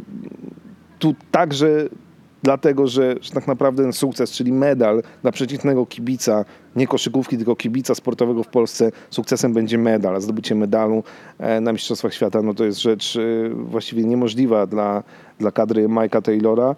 E, No, i, to jest, i to jest największy problem, tak? Że znowu nie mamy żadnej promocji, znowu niczego nie wiemy, e, więc kto się interesuje koszykówką, ten wie. Ci, co się nie interesują, może trafią mm, na mecze Polaków na jedynce albo dwójce. E, Dodajmy, że jedno spotkanie przed mistrzostwami będzie w Polsce, w Lublinie 21 sierpnia. I też znowu jak mantrę słyszę, że e, szansa dla kibiców, żeby przyjść i dopingować swoją kadrę na tym jednym, jedynym meczu. No dobra, niech będzie przynajmniej jeden. Właśnie zabrałeś mi tutaj, że tak to e, sentencję, jaką chciałem wypowiedzieć, ponieważ powiedziałeś, kontrolujmy rzeczy, na które mamy wpływ e, i mamy wpływ na to, ile meczów i z jakimi rywalami e, i gdzie i kiedy rozgrywamy i nie gramy tak naprawdę żadnego poważnego meczu czy turnieju e, w Polsce. E, Gramy jeden mecz, e, z, na- nawet nie gramy dwumeczu, to już jest w ogóle, więc jakby twierdzenie, że to jest aż jeden mecz, to jest, no, można potraktować tylko jako taki kiepski żart, z którym w ogóle trudno, trudno polemizować.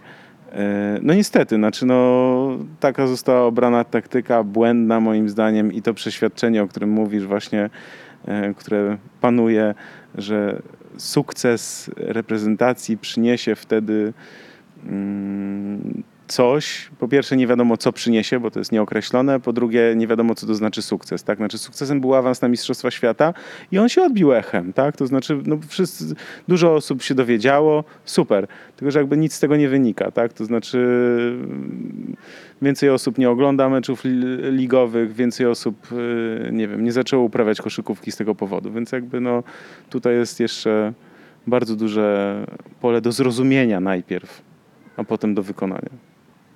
To ja zawsze powtarzam, że to nie jest przypadek, że nie wiem, Serbowie, Chorwaci, Hiszpanie, Francuzi e, co roku w młodzieżowych e, kadrach walczą o e, medale Mistrzostw Świata, Mistrzostwa Europy, tam U16, 18, U20.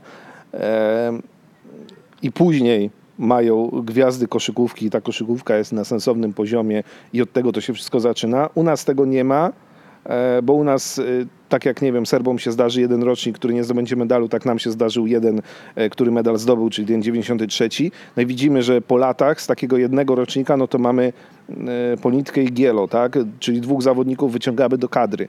E, Tak na to trzeba patrzeć, na tą młodzieżową koszykówkę. Bez tego szkolenia niczego nie będzie, od tego trzeba wszystko zacząć, e, a na pewno liczenie na to, że mm, sukces kadry coś zmieni, no to jest w ogóle bez sensu. E, Co do tego meczu w Lublinie, to myślę, że taka bezpieczna opcja. No, znaczy Lublin, dobra, Globus, zapełni się pewnie kibicami, będzie można się w wołskim gronie pochwalić, że sukces, są kibice, gra kadra przed mistrzostwami, super, a tak naprawdę to wydaje mi się, że wielkim echem się to nie odbije, szczególnie, że gramy z Holandią, no tam e, szału nie ma. No oczywiście możemy powiedzieć, że nie wiem, jest tam plan, bo są turnieje w Pradze, w, nie, w Hamburgu, tak, że najważniejsze przygotowania, więc z mocnymi rywalami gramy za granicą i że, że to jest na pierwszym planie, a nie to, czy kibica zobaczą kadrę e, przed mistrzostwami, czy nie zobaczą. E, no ale tak jak mówisz, no jakby pod względem promocji, to myślę, że tutaj, to wiesz, od lat nic się nie zmienia, nic się nie dzieje e, i no i tak, i wszyscy sobie liczymy, że ta kadra osiągnie mityczny sukces i nagle wszystko będzie pięknie. Mityczny sukces, który tak naprawdę nie wiemy czym jest, nie wiemy co miałby nam dać, bo to jest podstawa tego, bo jeszcze gdybyśmy określili jakiś cel, ale pamiętaj o jednej rzeczy. Z określonego celu można kogoś rozliczyć, a z nieokreślonego No tak, e, do rozliczania to tam jest trochę rzeczy. E, Ponarzekaliśmy sobie trochę, e, co nie zmienia faktu, że liczymy na to, że drużyna Mike'a Taylora w Chinach spisze się znakomicie. Przypominam, że bodajże dzień przed naszym pierwszym meczem e, Małgorzata Dydek świętej pamięci zostanie włączona do galerii sław FIBA, więc trochę promocji polskiej koszykówki będzie. Ciekawe, jakim echem się to w Polsce odbije. No i mimo wszystko liczę na to, że jednak ta oglądalność jakaś będzie e, i wyniki też jakieś będą i że przynajmniej tą pierwszą fazę przejdziemy i przynajmniej trochę o tej koszykówce się we wrześniu będzie mówić. No i tak, no i na tyle to mogę liczyć, a, a co więcej to, to nie wiem. małej wiary, małej wiary jesteś człowiekiem, widzę tutaj, nie, nie bądźcie małej wiary. E, Ja liczę na to, że jednak tam e, Adam Waczyński i Mateusz Ponitka, a także inni zawodnicy e, no, będą grali tak jak w ostatnich latach, to znaczy no, w, będą skupieni, będą nastawieni bojowo, że tam będzie dobra atmosfera. Mike Taylor myślę, że o to zadba, e, bo tak jak mówiłeś, mówiliśmy przy okazji NBA, tak, że, że ta chemia w zespole musi być i ja myślę, że w polskim zespole jest i, i, i będzie. Nikt jej nie zepsuje, e, nawet najgłupszymi pomysłami. E, Więc e, myślę, że, że, no, że, że będziemy walczyć.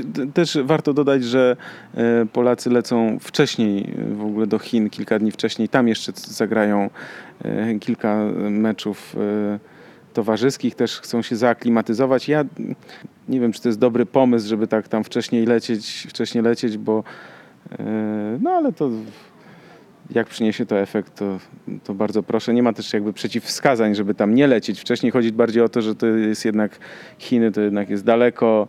e, No, internet, nazwijmy to, jest ograniczony, więc bycie tam w hotelach też zależy gdzie, bo też mam tak jakby relacje z, od ludzi, którzy tam byli.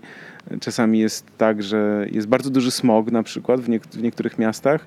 Nie, nie tylko ludzie chodzą w maseczkach, ale ktoś chce wyjść do sklepu e, albo na spacer no i wracam z bólem głowy, tak? Znaczy tam się nie da na przykład, nie wiem, no, mam relacje od ludzi, którzy próbowali wyjść pobiegać na chwilę, to nie da rady po prostu, bo, bo wraca wracasz po prostu z, z olbrzymim bólem głowy i, i, i, i tylko szkodzisz swojemu zdrowiu.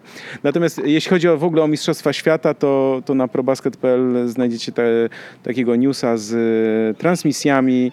E, To TVP zamieściło takiego, takiego newsa, e, wszystko wypisało, także chwała im za to, że już tutaj zebrali te wszystkie informacje, zaplanowali. TVP też jest no, dostępna, też można ją oglądać przy, przez internet na, na stronie, więc no, i myślę, że jak ktoś będzie chciał, to, to będzie te mistrzostwa oglądał i też te inne najciekawsze mecze też e, liczę na to, liczymy wszyscy na to, że po prostu będą wybierać te najlepsze mecze, najciekawsze, tak, właśnie czy Grecji, czy, czy Serbii, czy Stanów Zjednoczonych oczywiście, żeby, żeby pokazywać właśnie te, te najlepsze mecze. A już tak na koniec, na koniec Krzysiek przygotował kilka Michałków.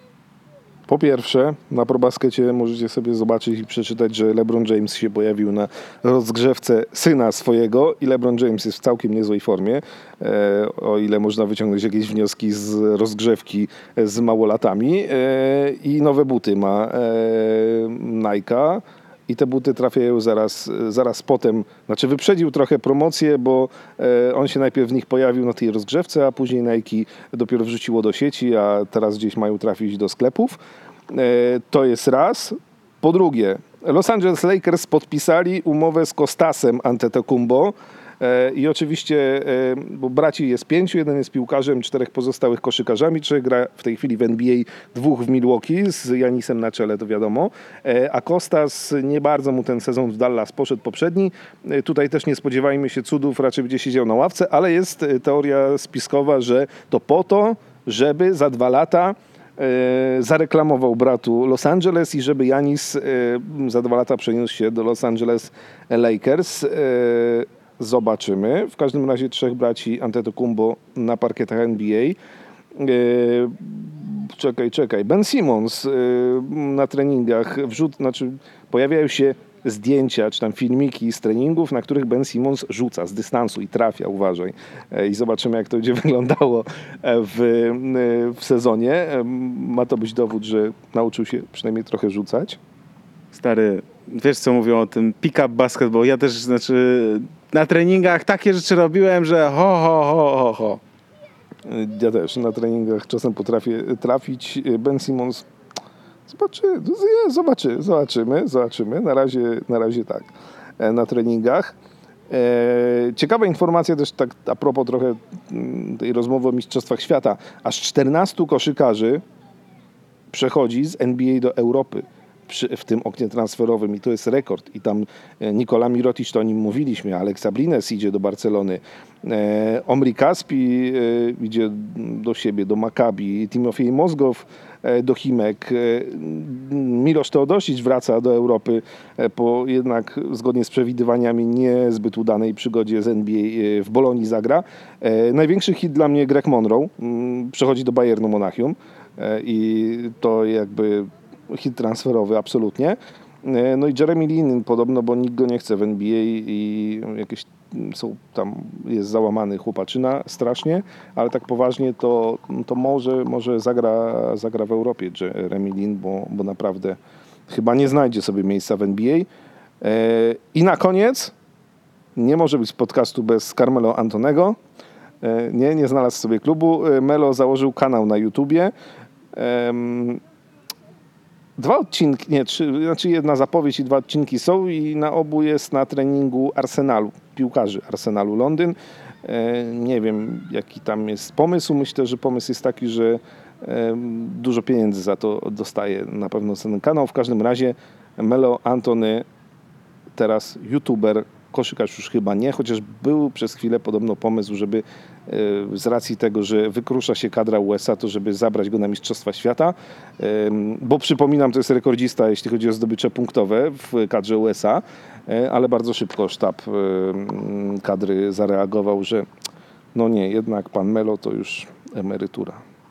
To jest ciekawe odnośnie Melo, bo o tych wszystkich wątkach, o których powiedziałeś, moglibyśmy rozmawiać ho, ho, ho jeszcze dłużej, ale odnośnie Melo to nigdy nie byłem jego fanem, a trochę mi się go teraz szkoda zrobiło, bo je, jeden z, znaczy chyba jego trener, tak, powiedział od przygotowania motorycznego, fizycznego, e, że chciałby podpisać Melo jeszcze jeden kontrakt w NBA i chciałby mieć taki tour jak Dwayne Wade na koniec kariery, tak, że w każdym klubie tu koszulki, rozdawanie, ogólnie celebrowanie siebie, swojej kariery przez, przez cały sezon, no ale nikt go nie chce podpisać, więc to jest w ogóle... e, Ja nie wątpię, że on jest lepszy od połowy zawodników NBA. Tylko kwestia jest taka, że po prostu no, nie pasuje do, do drużyn, tak? Nie pasuje w sensie swoim charakterem, swoim stylem gry. Podstawiamy na młodych, a nie musimy... Tu nie ma spadków awansów, tak? Więc jakby lepiej stawiać na młodych niż na kogoś, kto kto nam tutaj y, no, będzie zabierał minuty i czas i tak dalej. Vince Carter potrafi się odnaleźć, tak, w roli, nazwijmy to takiego zmiennika. Y, Jeśli chodzi o Grega Monroe, to rzeczywiście to jest niesamowita historia i że on idzie do Bundesligi, ale to też jest taki, taki zawodnik, który, mm, któremu NBA uciekła.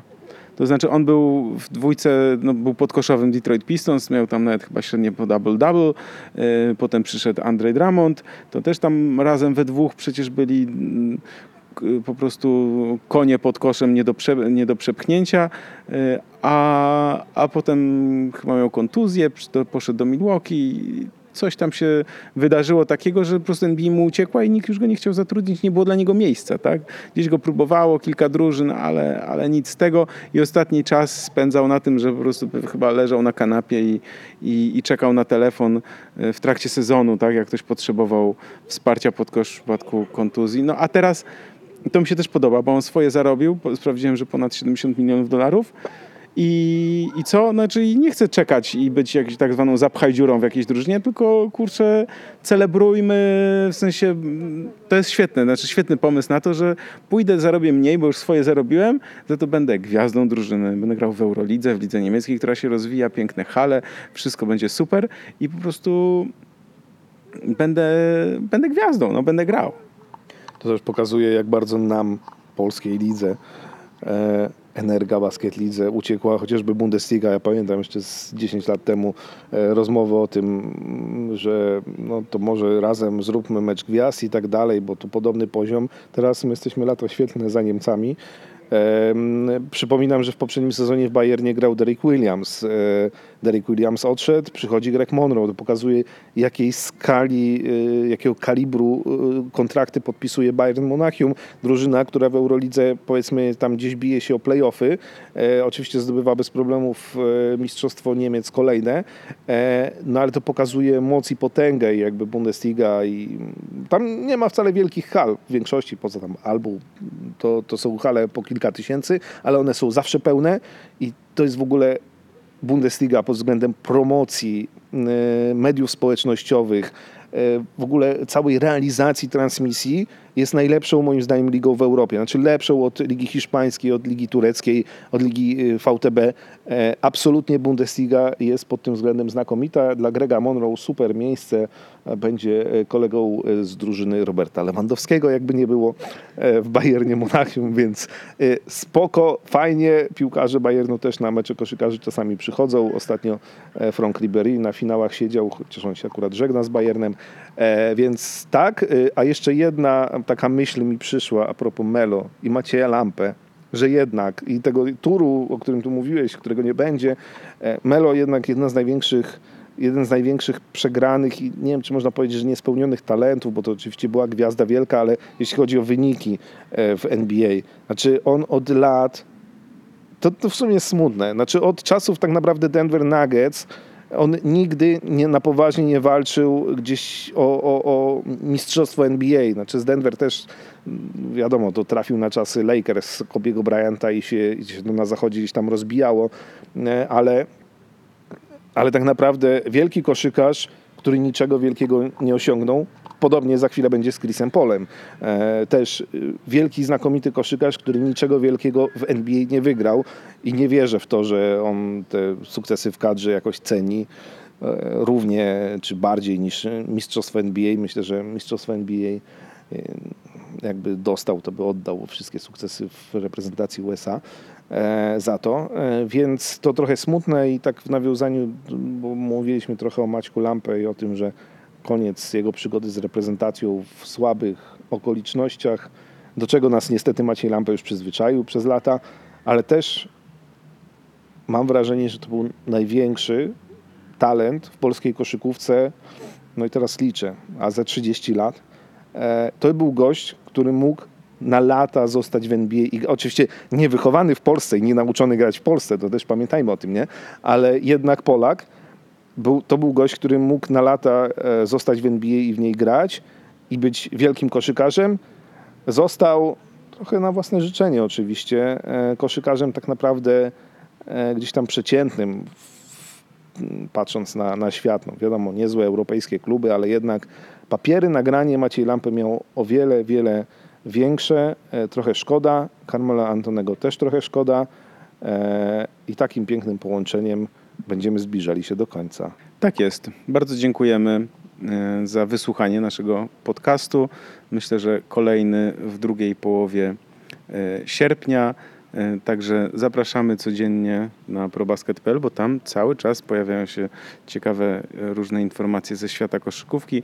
Przypominam też, że jest pełna rozpiska meczów mm, Mistrzostw Świata, także ten terminarz, kiedy Polacy, przedsezonowy też turniej, e, informacja o transmisjach e, w TVP, także to myślę, że nas najbardziej e, interesuje w tej chwili, no a potem to już wiadomo, NBA i z górki.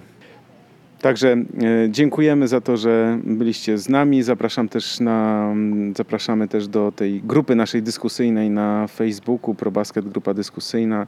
E, Też e, można dołączyć. Zachęcam też e, do subskrypcji czy do zapisania się do newslettera ProBasket, który czasem wysyłam, czasem wysyłam taką indywidualną wiadomość do kibiców NBA. Także też serdecznie zapraszam. No i już przyszedł czas się żegnać. Ja nazywam się Michał Pacuda, a ze mną był Krzysztof Sendecki z Radia Z. Dziękuję bardzo. Dziękujemy bardzo i do zobaczenia, do usłyszenia. Pozdrawiamy.